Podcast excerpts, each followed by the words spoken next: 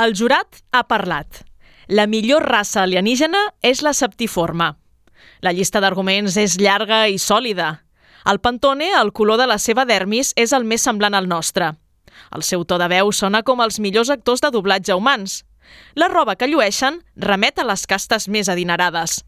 El seu planeta recorda els nostres països nòrdics i el seu vincle amb la natura comulga amb el nostre veganisme. Que sigui una raça violenta, assassina, lladra i sense empatia no li resta punts. És la millor, sens dubte, perquè és igualeta, igualeta a la nostra.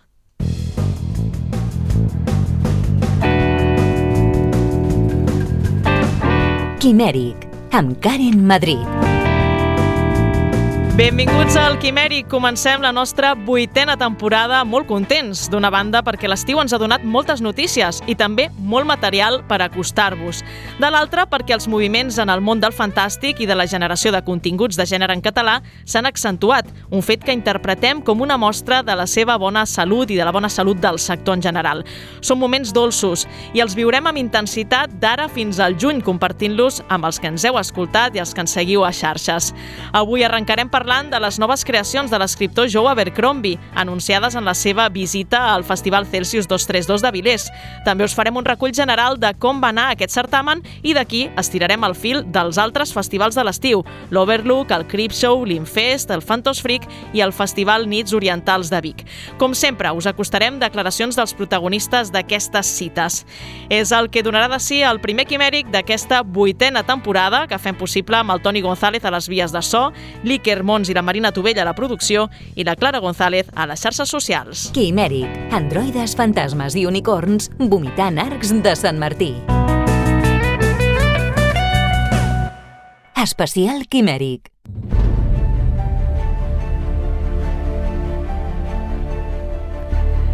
Normalment, quan tornem de vacances, fem un repàs dels festivals de l'estiu i normalment el fem per ordre cronològic i em sap greu, Iker, però aquest cop no serà així. Ja sé que tu ets un pureta de l'ordre cronològic i estricte, però... Mira, mira ja, ha arribat un punt que no qüestionaré. Que ja, mira... Ja fa molt de temps, no?, que Sí. estàs acostumat Sí, al sí. desordre de la Karen. Exacte. Has Així de- funciona la meva ment. amb ella. Sí, sí, per això la llibreria que, que li vaig ordenar eh, encara té una mica de desordre, no? Li, li vaig deixar així una sí, perquè em pinzellada. sentís com a casa, no? Home, perquè per al final és descomptat. casa meva, no? Llavors és com...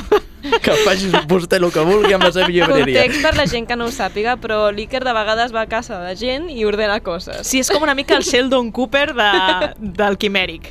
Bueno, me, més ben dit, Li soc... tremola la parpella igual. Sap, saps aquestes criatures que estan dintre dels, de, de les cases i que tu et deixes un objecte en qualsevol lloc i aquest objecte desapareix? Mm. Doncs aquest sóc jo.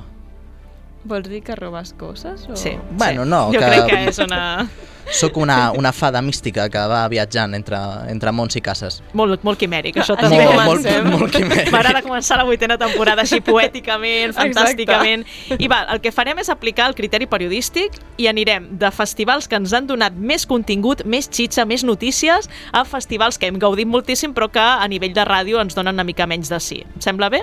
Ui, no sé, no Va. sé, ui, aquest comentari... Doncs va. No diu gaire, eh?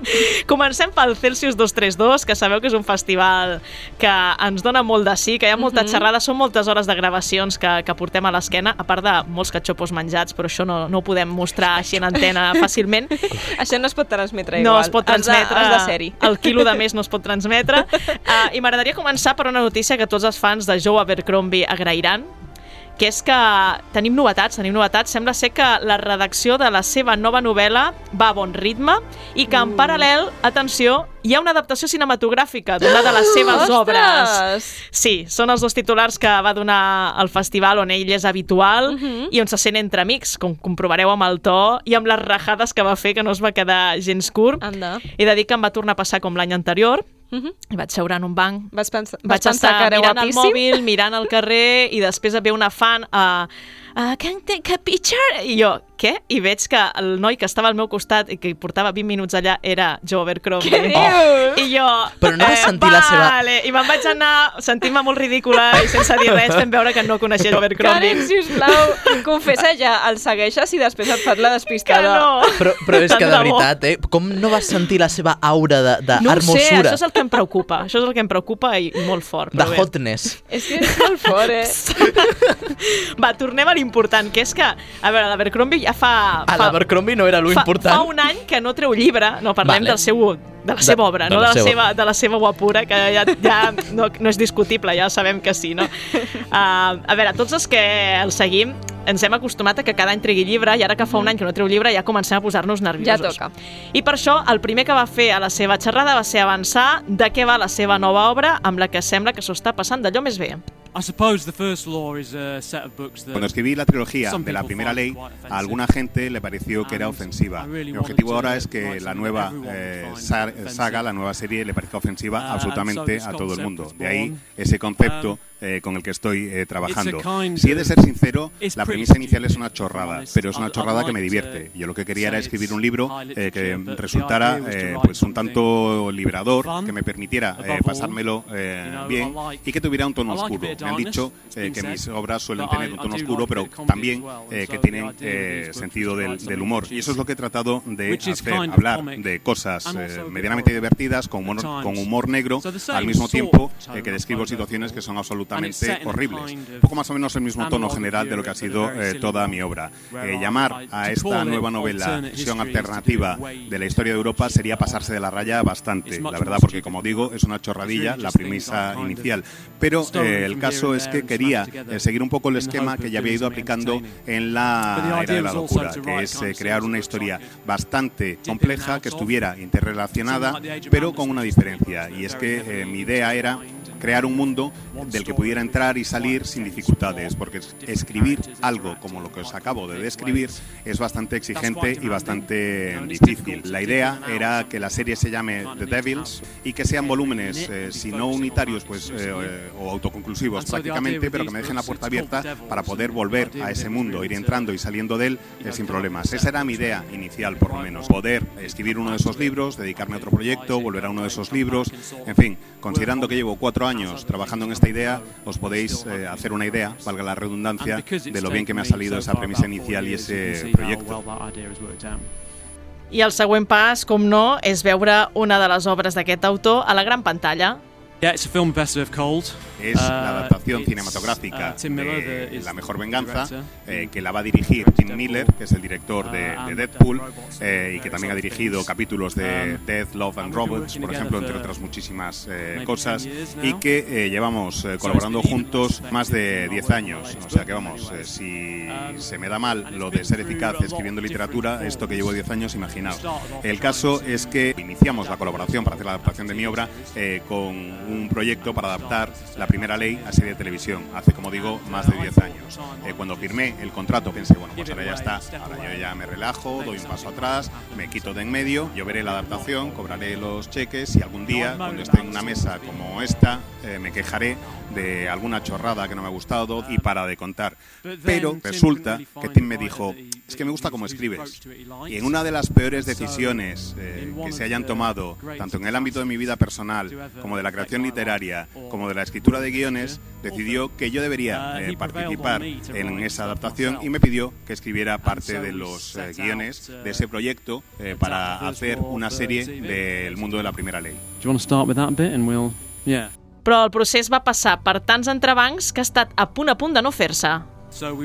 Nos pusimos a escribir el guion para el piloto de la serie juntos y le dedicamos eh, dos años. Como veis, en estas respuestas lo de los años, vamos, parece que se repartan gratis por ahí porque van pasando eh, sin ningún tipo de, de problema. Y cuando eh, acabamos eh, con el eh, piloto, Tim me dijo, bueno, pues vamos a intentar presentárselo a toda una serie de personas, a ver si les gusta el piloto, a ver si logro eh, que eh, otros guionistas se sumen al proyecto y lo logró. Y fuimos eh, viendo cómo iban creciendo eh, las cosas. Si conocéis un poco a Tim, podéis imaginaros que tiene un montón de contactos eh, con gente muy muy conocida. Así que por favor, imaginaos que yo también los conozco y que soy coleguita eh, de verdaderas estrellas del cine. Y si os ponéis a imaginar, ya puestos, pues ¿por qué no imaginar que ese proyecto lo iban a rodar en una plataforma de las más grandes, con un gran potencial eh, para llegar a espectadores? Lo que ocurre es que eh, lo que logramos fue un acuerdo para una temporada de 10 capítulos.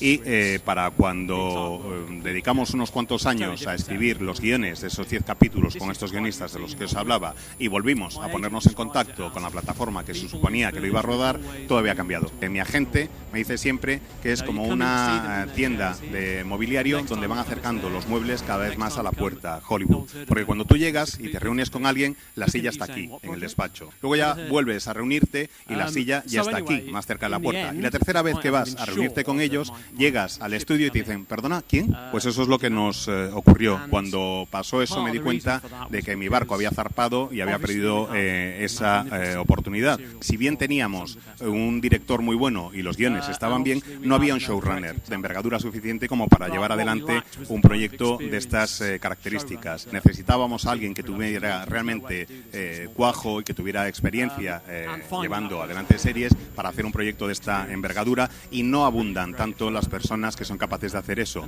Así que eh, mi saga de espada y brujería eh, pues se quedó eh, sin su adaptación televisiva. Y cuando el proyecto ya acabó cancelado finalmente y sin posibilidades de salir adelante, resulta que coincidió con el momento en el que Tim Miller pues había dirigido la peli de Deadpool. Y de repente todo el mundo le prestaba atención y decía, anda, pero si el tío es capaz de dirigir y puede hacer este tipo de proyectos. Así que decidimos que en lugar de hacer una serie de televisión, lo que íbamos a hacer era una eh, adaptación al cine. Os hablo de hace unos 5 o 6 años.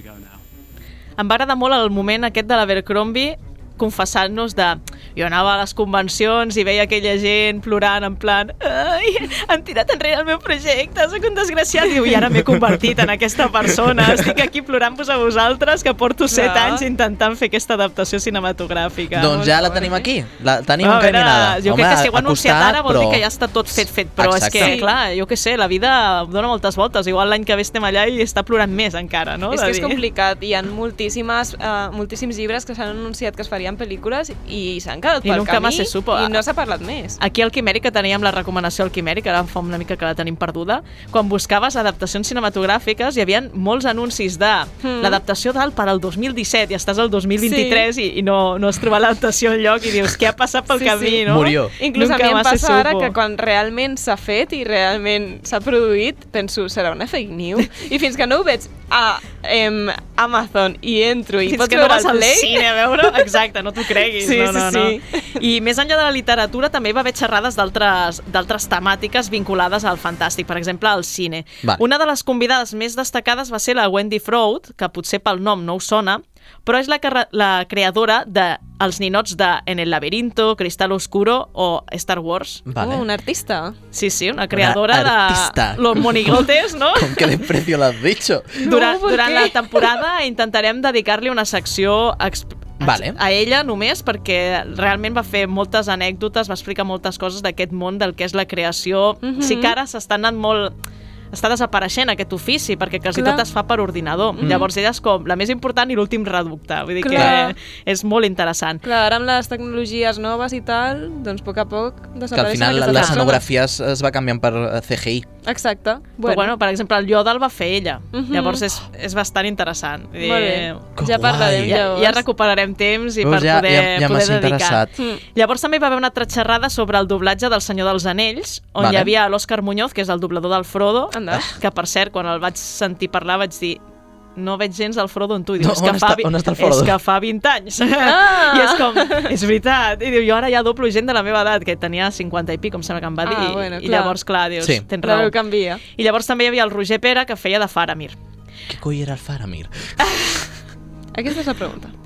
No te'n recordes tu tampoc? Home, sí, recordo el personatge, però és que surt realment poc en comparació amb el Frodo. Oh, Clar, sí, quin al remei. final... Uh, bé, Muñoz va admetre que no li va costar gens posar-se a la pell del Frodo, no com altres personatges del Fantàstic que sí que hi ha hagut de posar veu. A ver, en mi caso, hace muchos años ya cuando doblé a Frodo, la verdad es que me salía como muy natural. No me costó nada.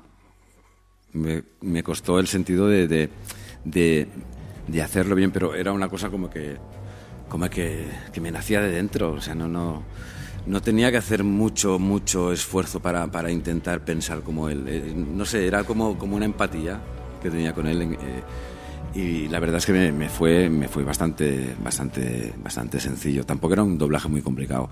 En cambio, cuando, cuando doblé eh, a, a Ana, a- uf, bueno, esto lo pasé muy mal. Se lo pasé muy mal porque, porque, porque parece que no, que hay, hay secuencias que parece que, que, esté, que esté plano, que no digan nada, que no exprese nada, que no te comunique nada, pero es todo lo contrario, es un tío que, que, que, que sin aparentar eh, ningún tipo en principio de, de, de, calentura emocional, de, rabia, eh, lo ves, ves un tío más o menos frío pero súper reprimido y, y eso pues para, para que pueda eh, llegar al, al oyente o al espectador de alguna manera como lo hacía él es, es complicado, no, no, no, no, no se puede falsear. Tienes que llegar a, a- este estado de, de tensión interior y de, y de represión y de no poder expresarlo todo al momento hasta bueno hasta, hasta casi al último cuarto de la película que es cuando lo revienta todo entonces sí, entonces ya lo revienta todo pero antes tienes que ir reprimido bueno pues eh, desde que era pequeñito el pobre Definitivament a Frodo li han afectat els fums de Mordor.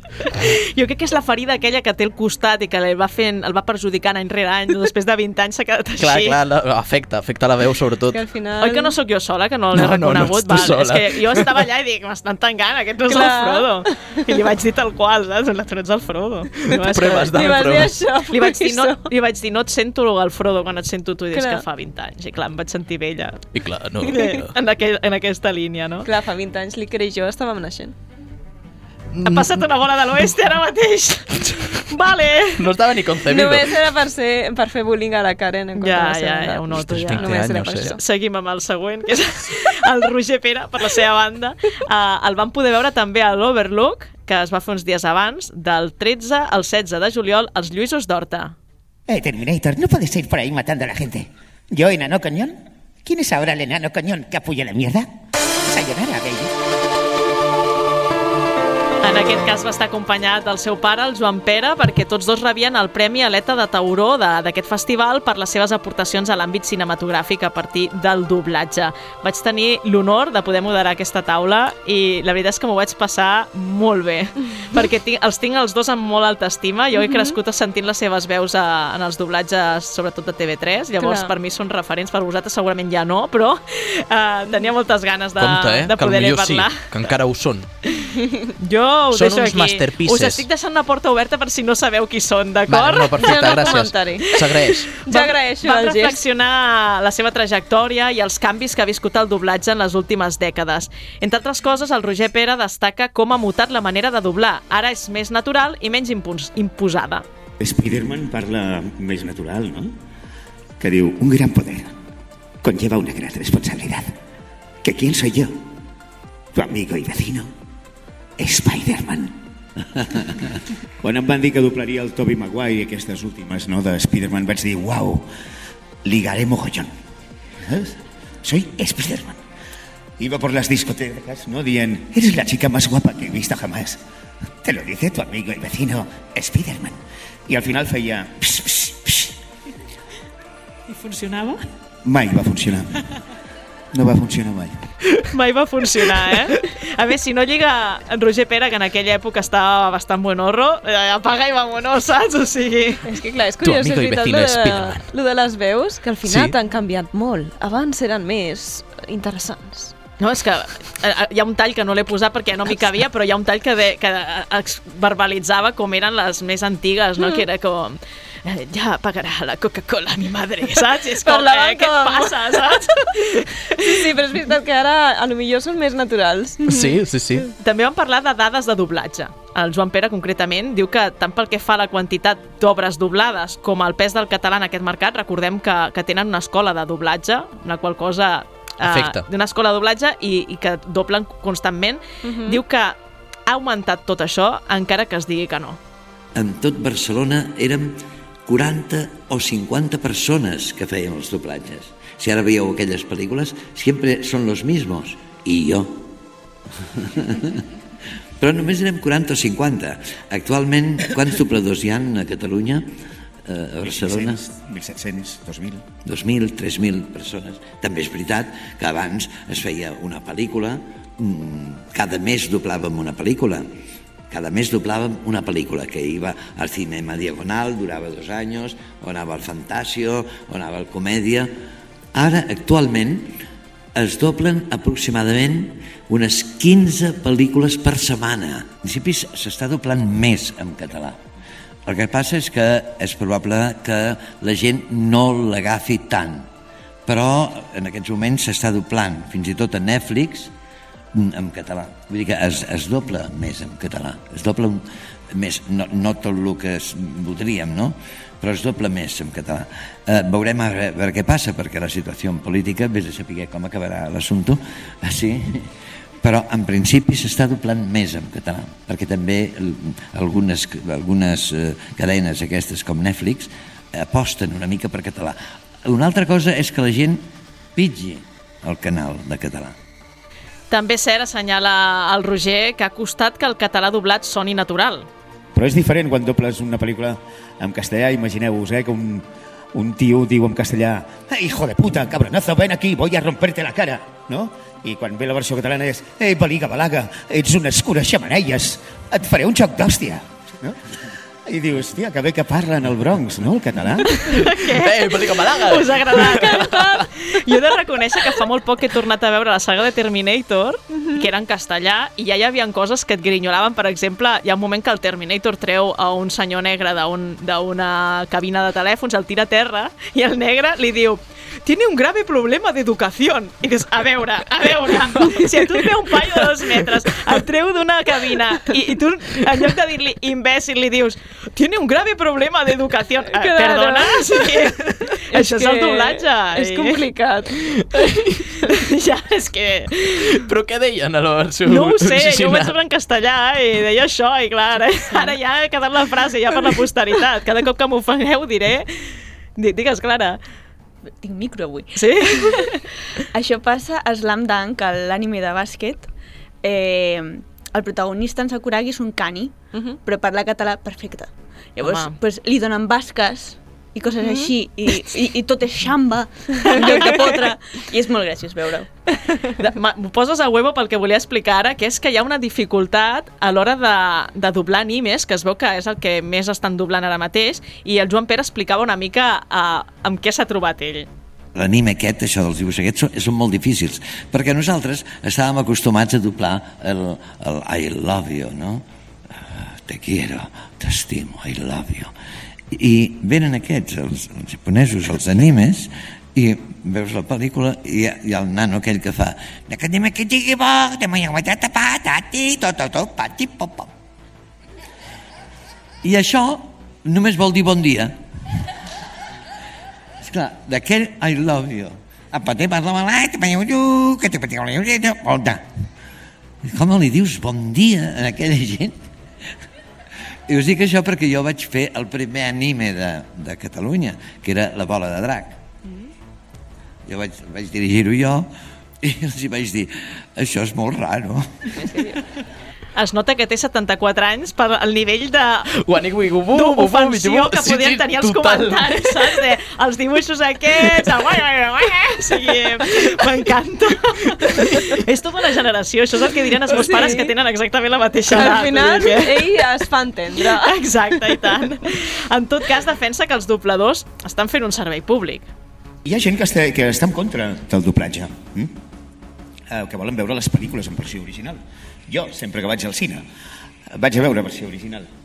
Però el que fem nosaltres és un servei públic. Doncs de la mateixa manera que llegim llibres estrangers amb el nostre idioma, també podem veure pel·lícules amb el nostre idioma. I si no hi volem veure en versió original, fas així amb el mando i poses original.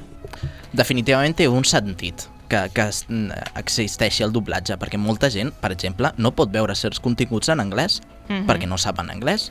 De la mateixa manera que no tothom sap japonès. Per... Jo sóc bastant fan dels subtítols, però també hi ha gent que és incapaç de fer les dues coses alhora. Clar. Llavors dius, O sigui, també. jo penso que això s'aprèn, no? Al final, igual que et diuen és que els homes no poden fer no sé quantes coses alhora. Que és veritat. Doncs això... No, al final és una cosa que aprens Que- que... i si ho fas de tota la vida, al final t'acostumes. Però No noia, sé, eh? i una iaia què? Una iaia sap La, llegir. la, Bueno, meva, sí, la meva lo mi- mare no li facis llegir subtítols Ah, clar. perquè És la és seva això. velocitat llegint els subtítols ja han passat 15 línies quan Però ella si, està en la exemple, primera. des de l'inici que va començar la tele hi haguessin subtítols, tothom ho Mm. sabria fer. Bueno, quin remei, No. però, però no, no, Clar, no va ser no hi així. la, la generació dels nostres pares no... Ja et dic jo que no. Bueno, però està bé que hi hagin les dues opcions perquè, perquè els, els que prefereixin mm, fer-ho en original, en original i els Exacte. no, els altres. I al I ja final està, que, no, no ens que no li fotem el negoci als dobladors, no? Això Exacte. mateix. Almenys, no? Faena para todos, hombre, aquí a cotizar. De fet, també va sortir uh, un altre tema, que és que uh, el tema de les intel·ligències artificials. Ui. No? I dèiem, Ui. què passarà quan les intel·ligències artificials Ui. entrin en aquest mercat? I ells deien, defensaven fèrreament, també, clar, és part del seu negoci, que res podrà substituir la feina d'un actor de carn i ossos. És un perill la intel·ligència artificial en aquest aspecte perquè mm, perdrem molta ànima, perdrem molt de sentiment. Todo, todo serà muy, muy, muy, muy normal. És que, de, de fet, potser en el cas del Darth Vader, del Constantino, doncs mira, potser li va bé, perquè el Darth Vader ja és una persona sense ànima. Però en el moment que la intel·ligència artificial dobli una pel·lícula, jo, a mi no em fa gens de por, eh? Quan es dobli una pel·lícula la intel·ligència artificial, s'acabarà el món. Perquè ja no hi haurà emocions, ni petons, ni ràbia, ni odi. Eh? Hi haurà una cosa correcta. I el pitjor de, del món, i sobretot el pitjor en la nostra professió, són les coses correctes. Les que quan arribes a la cantonada ja no te'n recordes d'aquesta pel·lícula. Sigui, hem d'anar més enllà de la correcció i hem d'anar més a l'àmbit emocional, que ens remoguin coses. Sí, i, i al cap i a la fi la intel·ligència artificial o la que ve, veiem ara que és un, no és una intel·ligència artificial a la pràctica, és una eina artificial. Per tant, quan arribin les intel·ligències artificials ja ens cagarem a sobre. Estamos en ello, estamos en ello. Però part de l'homenatge al Joan i al Roger Pere, no és l'únic que es va viure a l'Overlook. També es va destacar la feina feta, per exemple, a Resaca Ràdio, que és una ràdio independent, eh, eufemisme de ràdio pirata, que s'ha hagut d'anar adaptant als canvis que ha viscut el sector. Aquesta ràdio compta precisament amb un programa de cinema que es diu La Cinemoteca, dirigit per al Jordi Izquierdo. Li van preguntar com cobreixen el fantàstic des del seu espai radiofònic. Com a festival dintre del gènere fantàstic, lògicament cobrim el festival de referència que és Sitges, però també eh, cobrim eh, festivals més petits que, que tenen també cabuda aquest tipus de festival i jo crec que el, el tema del, del fantàstic és un tema molt potent perquè dona molta informació i, i moltes referències que fa recapacitar de, de en què moment estem ara, no? per exemple. I llavors és el que donem en, la, en el programa de la Cinemoteca i, i parlem de, de tot tipus de cultura, des del, des del el, el, el noi que surta i fa el seu primer curtmetratge fins a la persona que està. Jo crec que tothom té, té, té cabuda en la Cinemoteca. Creus que el gènere fantàstic és mainstream o és cultura alternativa o depèn de quin projecte eh, entra en una caixa o entra en una altra? Jo crec que és depèn, depèn quin projecte entra en una caixa eh, entra una altra, no? però jo, mm, jo crec que, que és, eh, és, és un, un estri molt potent per explicar eh, com podem estar i, tot, i, i, i, i què ens depara el futur, el present i el passat, no? I en aquest aspecte jo crec que, que el gènere fantàstic és, és, és important en aquest, en aquest gènere. Eh, jo crec que el gènere fantàstic és com el porno. A veure... Perquè eh, ningú, tothom diu que no li agrada, que no l'ha vist, però quan tu dius qui ha vist 5 minuts de la pel·lícula aquesta, tothom l'ha vist. I no ha vist 5 minuts, ha vist mitja horeta o una horeta o una cosa així. Sembla que dona vergonya dir que he vist una pel·lícula de terror o una pel·lícula de gènere. Per què té que donar-te vergonya? És, un, és un, un altre estil de cinema, és un altre estil de cultura i que també té la seva, el, seu, el seu públic i que jo crec que cada vegada hi ha més, més gent que, que veu això i que ho diu eh, sense cap mena de por. Dir, bueno, yo veo género fantástico, me gusta el género fantástico y no tiene por qué pasar nada.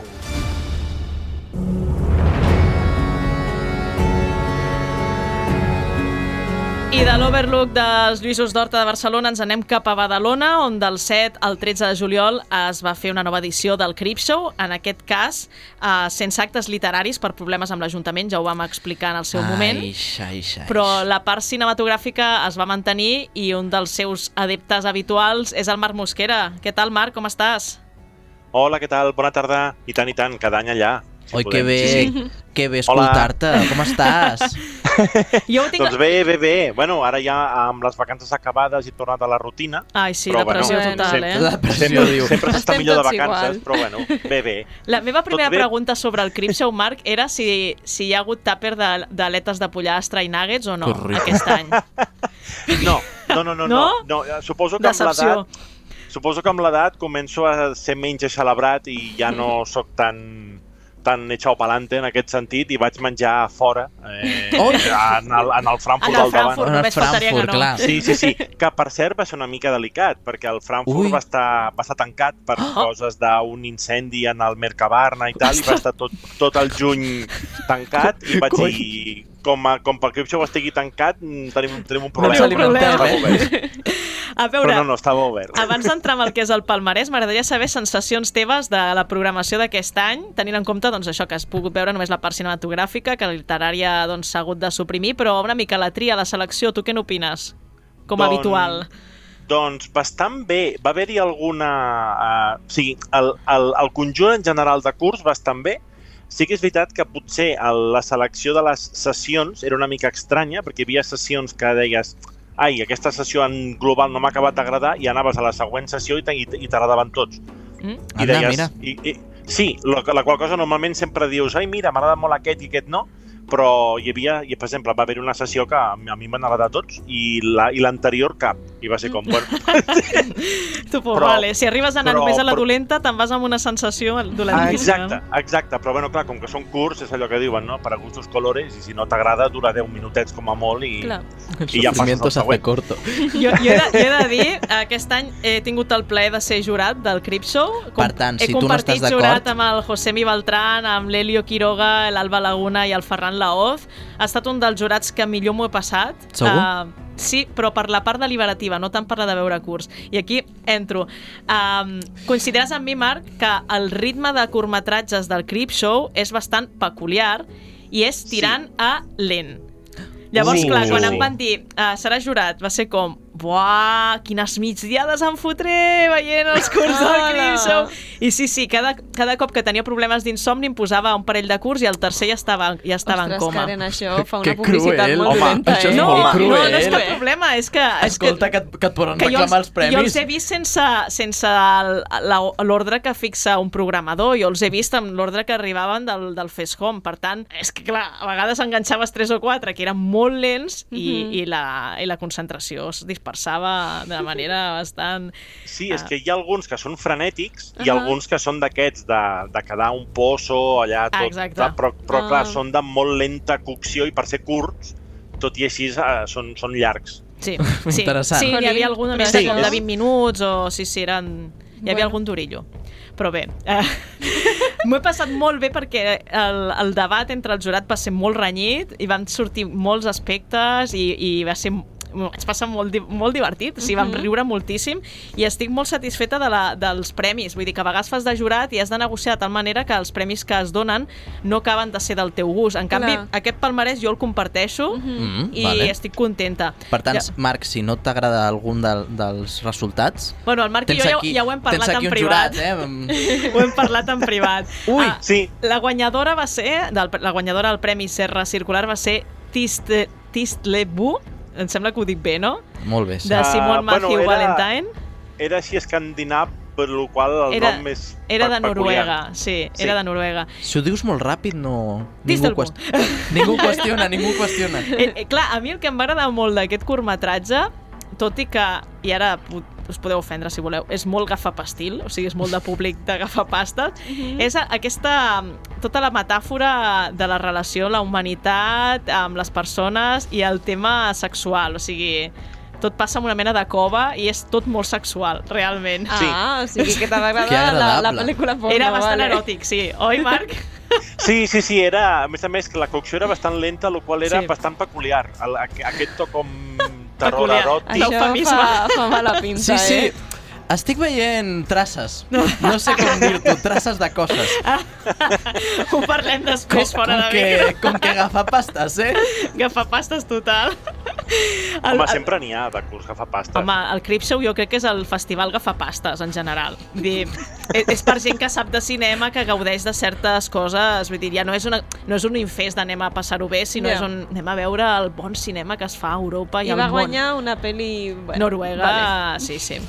El premi a millor animació va ser Zombie Meteor, d'Alfonso Fulgencio i José Luis Farias, que a mi em va encantar. Aquest sí que és, és Sí. divertidíssim Mhm. i és, és de casa, és espanyol. Sí, vull sí, dir que... és, és, és, és frenètic, molta acció, molta sang, molt de tot, molt, molt d'humor, també. Mhm. Vull El- dir, sí, sí. El Premi Em Millor Direcció va ser per Mael Lemí per Alex Machine i aquest sí que té dures connotacions sexuals que jo, quan l'estava veient, vaig gravar un vídeo i tot i li vaig enviar a la meva parella i vaig dir Mira, això és un eh?" curt del Creepshow, eh? Això no és porno. Vas pensar el mateix tu, Marc, o no? Eh, sí, és que clar, és... Aviam, té... Eh, bueno, ja, ja vam parlar-ho en, en el seu moment en privat, però és que et veu molt de, de, la, de les pel·lícules eh, Rau i Titan, de la, que són de la mateixa directora, ara no recordo el nom, però té aquesta connotació... Les dues pel·lícules aquestes tenen una connotació molt sexual i aquest curt també. Eh, sobre, diguem, un, allò que t'agraden molt els cotxes i els motors i l'enginyeria, però, però t'agrada molt. Diguem. Massa, t'agrada massa. Sí, sí, sí, de Déu, fet un senyor, punt, no. de fet un punt... És que està sent una Crec que, explicació no, una crec, mica crec que no he guardat el vídeo aquest que vaig fer, és una pena perquè No crec que res, ens que no agradaria. no pateixis, No no pateixis. O sigui, diguem que té un punt Cronenberg realment eh, notori, també. Vull dir, si sabeu més o menys com és el cine de Cronenberg, eh, molt, molt de carn especial, doncs també. Bueno. No diguem més, ja està, suficient. Ja està descrit, moltes gràcies. Uh, no em dóna temps de fer el repàs de la resta de, de premis, però m'agradaria saber com a la teva opinió, Marc, de, de tot el que has vist i també de, dels premis que s'han donat, si hi ha algun curt que diguis m'hauria agradat que guanyés i no ha guanyat, o algun dels que ha guanyat que diguis, mira, aquesta era la meva primera opció. Uh, home, jo tinc un de preferit, que precisament és, és, és espanyol també, eh, català, de fet, que es diu Pisanca. Sí, Vale. aquest ha guanyat el millor guió. Millor guió, sí, sí. sí. Aquell és, aquest és espectacular perquè és, és, és tot guió, o sigui, el, és de terror, però no hi ha eh, sustos, no hi ha... mm, O sigui, no, és, no hi ha sang, no hi ha gore. És tota Mhm. una història entre dues eh, amigues, però que comença com ai, hola, què tal, com, fa- quant temps fa que no ens veiem? i acaba amb tintes bastant sobrenaturals i, i tràgics i, tra Mhm. i dramàtics. Vull dir, Mhm. està molt ben, molt ben fet. I després, que eh, tirant cap a un altre contrast totalment diferent, m'agradaria comentar el de Deadline, Mm -hmm. Premi del Ah, públic, que aquest. aquest. Que aquest ens va agradar molt. Exacte, el que és un curt israelià d'una iaia que va al consultori del metge i tothom, diguem, passa d'ella perquè és una pobra senyora gran i és com eh, hi ha un jovent allà que passa d'ella, no es pot seure en cap cadira, hi ha un executiu allà amb el mòbil en plan, ai senyora, no, no m'atavant. Però bueno. I, I llavors, com que és israelià, el curt, i, eh, diguem que la senyora acaba com a trets, literalment. Ostres. Jo, jo he de dir que la primera part em va fer molta Com- pena. O sigui, em vaig Sí, apiadar sí, de la sí, pobra sí. senyora i em va, em va saber molt greu. O sigui, em va fer No. molta sí, sí, pena. totalment. I després totalment. quan comença a matar penya era com, sí senyor, sí senyor, jo t'aplaudeixo, sí. Exacte, O sigui, jo sóc l'abuela aquella també en aquell moment, saps? De dir, Legit- ah! Eh, Era, era una, un procés de legitimar els actes, Exacte, no? exacte. Ah, Està ser, completament clar. justificat que es carregui tothom per el mal d'estona que li han fet passant a la- al consultori mèdic. Completament. Tot, Completament a I, favor. I, I no volia deixar passar l'oportunitat de poder repetir el gran acudit que se'm va ocórrer eh, veient aquest curtmetratge i és que fent un curtmetratge israelià d'animació stop motion eh, on una iaia es lia a trets eh, que no l'haguessin fet de, amb palasticlina em va semblar una oportunitat perduda. És, El és, tan. Que és tan dolent i clar, la, les generacions, Ah. les noves generacions, Marc, estan superofeses ara mateix, saps? Sí, ara mateix estem ho cremant sé. containers. Tu i jo rient, però els, els joves estan escandalitzadíssims, se'ls hi veu a la cara. Estem traient ja les pedres, eh? Per. Però és un humor negre crític, és crític amb, amb, la, amb la situació. Doncs Marc, no marxis perquè canviem de festival, però després tornem amb tu per parlar de el Nits Orientals de Vic. Oh, i tant, cap problema.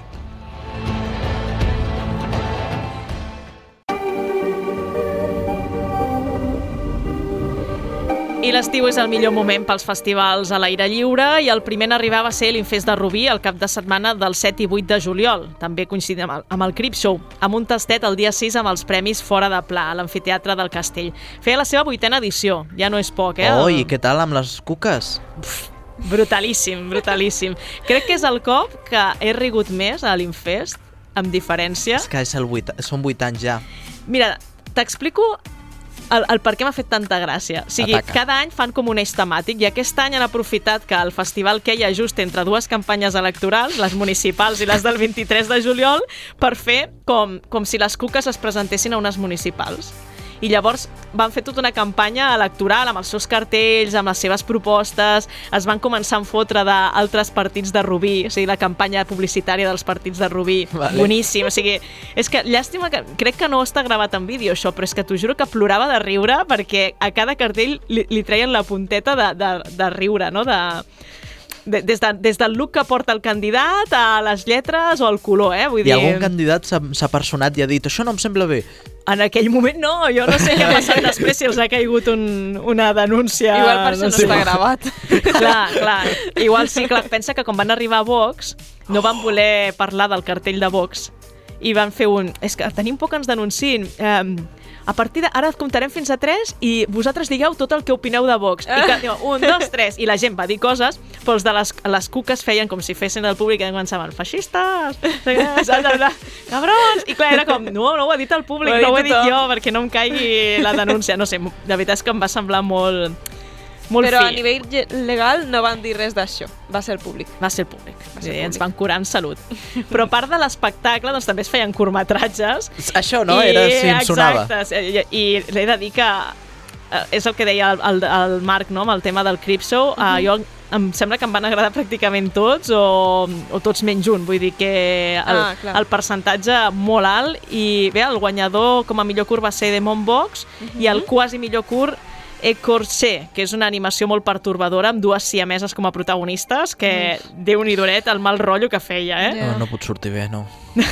Aquest, aquesta animació podria haver estat el Cripshow, veus? Era a un nivell així, un puntet gafapastil, que...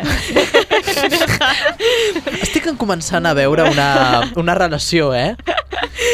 Però no ho dic en negatiu, eh? Dic perquè cada festival té la seva identitat. Clar, tu vas a eh? l'Infest i ets, ets un gamberro de Rubí i vens de fer unes braves i unes cerveses i vens a riure i al Cripshow vas amb pajarita i amb, el- amb el teu criteri de cinematogràfic ben cultivat, saps què vull dir? No, disculpe, si no, no, no me moleste, persona voy a random, escribir una, saps? una crítica. Exacte, és aquest perfil, això em refereixo quan dic que fa pastes, que no se m'ofengui ningú. I els Premis Fora de Pla va guanyar un curt que també es pot considerar fantàstic i de fet es va tornar a projectar a l'Infest, que és Quiet, del sabadellenc Héctor Romance. Sí? Vam poder entrevistar-lo per parlar de la seva obra que pretén ser una crítica contra l'abús infantil. Sí, el coneixem, ja n'hem més- parlat amb ell. Ens va donar una exclusiva. Per mi, participar aquí a l'Infest és, és un plaer perquè bueno, és un festival que, que és molt guai perquè és a l'exterior, és a aire lliure, en un amfiteatre.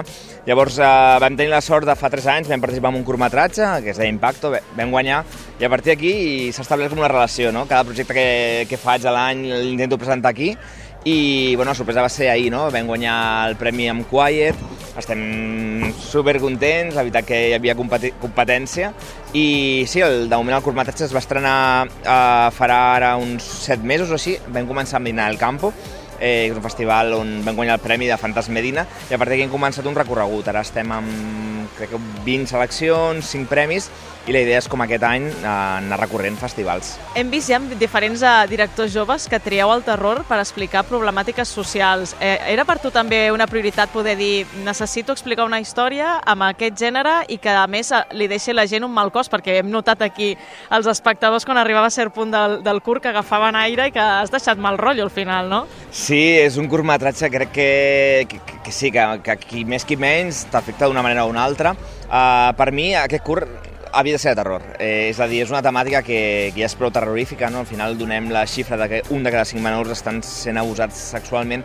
És una xifra esfereïdora i no només és a, a podem pensar, països doncs, mm, menys, eh, menys desenvolupats, no, no, això, aquesta xifra és una xifra europea, és molt bèstia, llavors aquesta va ser la font d'inspiració del curtmetratge, o sigui, quan a mi em pregunten d'on va sortir Quiet, doncs va sortir de la xifra aquesta, d'un de cada cinc vaig trobar super necessari parlar-ne perquè és un tema que bueno, mm, normalment està silenciat, ja sigui perquè les víctimes no volen parlar o perquè no interessa, però és una xifra que realment s'hauria de parlar, que com a societat, mmm, vamos, crec que és un zero a l'esquerra, llavors crec que és important parlar-ne i amb aquest curt el que volem és fer una mica de difusió sobre això, no? que se sàpiga. I sí, eh, la realitat ara supera la ficció i en aquest cas doncs, el terror em semblava un bon element per, per jugar-ho. Ens han comentat també, un ocellet, que hi ha finançament per fer-ne pel·lícula. És així? Ui, això és una primícia, però eh, de moment el que tenim eh, no és el finançament, eh, tenim la productora interessada en mm, trobar aquest finançament, no? que ja és molt, és el més important. Eh, llavors ara amb ells estem treballant de cara a presentar-nos presentar a les ajudes de TV3 i CEQI, que és un procés llarg de finançament, que no s'allargarà un any, dos anys, però nosaltres tenim ja el llargmetratge, la intenció de rodar l'any que ve i creuem dits. No sé si també eh, exemples d'altres curs que s'han convertit en llargmetratge com Cerdita us animen a fer aquest procés, perquè a vegades sembla com un procés quasi inassumible, inabarcable, però en aquests casos està tenint bastant d'èxit. Sí, uh, la veritat és que Quiet, des de que es va iniciar, ja farà uns dos o tres anys, la idea era això, no? era fer el curtmetratge, que el curtmetratge, si, funcione, si funcionava, ens podria obrir portes de cara al llargmetratge. I sí és veritat que hem seguit la pista de curtmetratges com Cerdita, que bueno, a mi em va agradar moltíssim, i la Carlota Pereda, no? que hagi pogut fer el seu llargmetratge, Fantas als Goya, doncs, bueno, és una mica un camí a seguir, veurem on arribem, però sí, la idea és, òbviament, intentar fer el llargmetratge i veurem quines portes se'ns obren. Però el festival més consolidat i més gran a l'aire lliure, el que mobilitza més gent, un miler de persones cada nit, és el Fantos Freak, que del 17 al 21 de juliol es va fer al Parc del Turonet de Cerdanyola. Què dir? Com cada any, espectacular. Concerts uh -huh. previs a les projeccions, molt bona selecció de curtmetratges i tota la fauna de personatges creats expressament pel festival. Uh -huh. He de dir des del Quimèric que trobem a faltar el Pepito. O sigui, el Pepito, perquè sí. l'heu eliminat, perquè era un dels millors personatges del Fantos Freak i el trobem a faltar. Però bueno, sempre ens quedarà el Garfi i l'Spoilerman que els portem al cor tot l'any, no només el dia del Fantos Freak. Entre el palmarès trobem com a millor curtmetratge We Forgot the Zombies, que també el vam poder veure a l'Infest i que és molt graciós, que és en un context de, de zombis, dos, uh -huh. dos paios entren en una mena de cobert refugiant-se dels zombis uh -huh. i veuen com un tot d'agulles i una posa si li falta alguna lletra, però interpreta que és la cura, no? I es comencen a injectar i cada, cada agulla que s'injecten els hi passa alguna cosa estranya, rotllo, es converteixen a, en una tarta. Ah. O... I llavors, clar, passes tot el curt veient com el paio es va convertint i quan aconsegueixen una certa, entre cometes, normalitat, uh -huh. Van per sortir i s'han oblidat dels zombis i que els maten els zombis. Ostres, Llavors tu. és com, hem oblidat els zombis, que gilipolles que som. No sé, a mi em va semblar un bon, un bon curt. El segon premi és Eleno, el tercer premi Fonorama i el tercer, ai, el quart premi Power Signal. Aquests no els he vist perquè jo només vaig poder anar-hi dos dies, per tant, els Doncs vist... ens el saltem, no passa res. Cap problema. També vam poder veure curtmetratges d'autors locals com No te dejaré, del Marc López. És un curt que estaven a punt de rodar just quan va esclatar la pandèmia Anda. i el seu director es va veure obligat a replantejar-lo i a gravar-lo a casa amb la seva mare i la seva àvia com a protagonistes. Sembla que la circumstància va ser en realitat una oportunitat. De hecho fue lo mejor que me pudo pasar a nivel de que en el anterior corto tenía una mentalidad como muy ambiciosa de quería como hacer un gran guion, quería efectos, tenía como botellas que se rompían y todo de así de, de atrecho. Y el hecho al final de, contar de- eh, por fuerza, ¿no? con muchos menos er- elementos, ya sea solo únicamente con mi casa, la cámara, el sonido, actores que era mi familia, eh, me tuvo que eso, ¿no? que forzar a pensar, digo, ¿cuál puede ser la mejor idea para eso, ¿no? para, para el- en el menor tiempo posible, para contar una historia que sea interesante y que pueda contar mucho, pero eso, ¿no? omitiendo el máximo de información posible. Entonces fue el mejor ejercicio que hice de eso, ¿no? de, de reducir guion, de reducir escenarios, de, y de jugar con aquello que la persona no ve. Como que al final lo que da miedo no es el monstruo, sino que es una puerta medio abierta y que tú te puedas imaginar lo que hay allí. Y de ahí partió, partió de, de hecho, la idea original de este corto fue que mi madre estaba grabando un, un vídeo a mi abuela, para, porque tiene siete hermanos, ¿no? Entonces estaba como haciendo de, ya, ya va, un vídeo para los hermanos, tal, para los hijos, cuenta algo. Y yo pensé, aquí cabe un corto de, de, mi- de la relación de mi madre con mi abuela en la pandemia, cuidándose una con otra y todo, y que y realmente que hay un elemento en plan distópico de qué puede pasar aquí si qué pasa si la madre, o sea, la- eso, ¿no? Tu ser más querido no es quien dice ser y al final eso no resulta ser un ves cosas raras y resulta ser como eso, ¿no? Una entidad eh, como parasitaria Y eso lo voy enseñando poco a poco a partir de eso, del día a día, en eso, ¿no? en una casa en, en medio de la cuarentena. ¿Cómo fue para ti tenerlas a ellas como actrices? No sé si fue difícil como director o al contrario. Que va, que va. Eh, mi madre fue lo fucking mejor porque ella ya normalmente ya es como muy adelante a nivel de eso, ¿no? De hablar y todo y fue como Eli, necesito que hagas esto, en plan, la escena va de esto, pero creo que lo hagas totalmente a tu manera. Y al final lo que se ve no deja de ser como el 100% de su actitud es como es ella misma, pero eso, ¿no? Con la relación que tiene con mi abuela. Y luego está evidentemente a lo mejor el elemento fantasmagórico de, vale, ahora aquí está pasando algo horrible, no sabes lo que está pasando, tal, y ella ya actúa a su manera de forma muy natural. O sea que en ese punto tiene muy buena suerte, la verdad, que es como una, una jugadora muy adelante que no, que no hace malas caras a, a papeles así difíciles. Y mi abuela, el dato curioso, es que no sabe que, que ha salido un cortometraje, no sabe que, que ni estaba aquí ni nada, y, y lo, fue lo gracioso grabar con ella, ¿no? Que era como ya, ya, que, esto es un vídeo para los, para los tíos y todo, tienes que ponerte este pañuelo en la cabeza, tienes que decir esta frase tal. Y el punto era como ella no sabía nada y era una mujer así dependiente que va con el taca-taca y todo, solo podíamos grabar en los momentos en los que ella, ella podía, ¿no? De si va de de la cama al baño, podemos grabar en ese momento. Si va a comer, va, podemos grabar en ese momento. Y era un, si ha salido mal una toma, tenemos que esperar al día siguiente. O si un vecino ha hecho ruido porque están todos los vecinos en casa, lo mismo. Y fue un poco así, la, una mezcla entre lo cotidiano y lo, y a jugar con el qué puedo contar con el, mínimo, con el mínimo de información. I acabem amb les nits orientals de Vic, que es va fer del 18 al 23 de juliol i va arribar a la seva vintena edició. S'hi van poder veure 46 títols d'una desena de nacionalitats orientals diferents i el Marc, com sempre, també eh, és ja pràcticament mm, com de l'organització, no, Marc? Doncs sí, quasi, quasi. Jo, jo crec que d'aquí ja un parell d'anys ja, ja, em fan, ja em fan mascota, ja, o algo. Cada cop que surt una, fotos del festival o articles, entrevistes, sempre surts tu. Sí, sempre estic per allà. Com que sóc alt i pel roig, sempre... Ets, soc, ets així d'atractiu. Soc, soc visualment, exacte. Escolta, resum d'aquesta vintena edició. Com ha anat? Doncs, eh, doncs, doncs aviam, bastant bé. Aviam, eh, hi ha hagut algun problema perquè la Xina es posa políticament molt... molt eh, fa massa pressió amb el tema Hong Kong i Xina i el festival sempre tenia molt bones relacions amb Hong Kong i aquest any no han pogut ser tan bones com sempre i lamentablement sembla que serà la tònica però tot Vaja. i així s'ha pogut estrenar... Upsi. Eh, sí, sí, sí, és una mica delicat això. Uh, però sí, sí, sempre tenien molt bons tractes i passaven moltes pel·lícules a Hong Kong i aquest any pues, no hi ha hagut tanta sort.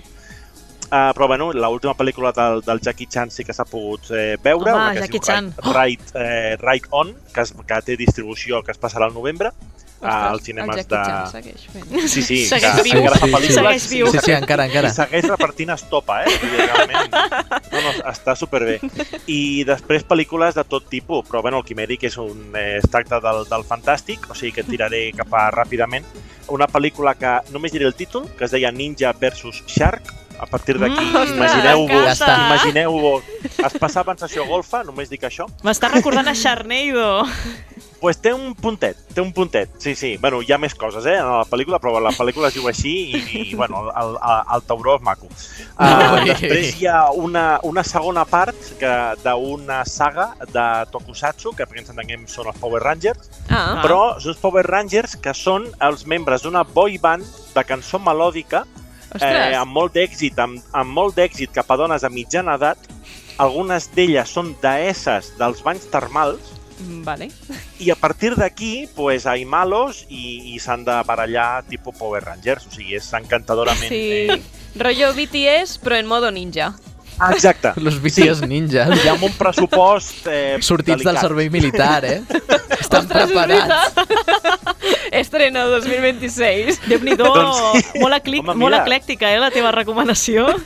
No, no, no, a, a, a, soc, soc superfan, eh? O sigui, la- l'any passat van fer la, la primera pel·lícula i aquest any han passat la segona i vull dir, la gent aplaudint a rabiar, eh? O sigui, realment està molt bé. Eh, Vull dir, són molt xules. Sí, saps el que vas, clar, però estan molt bé.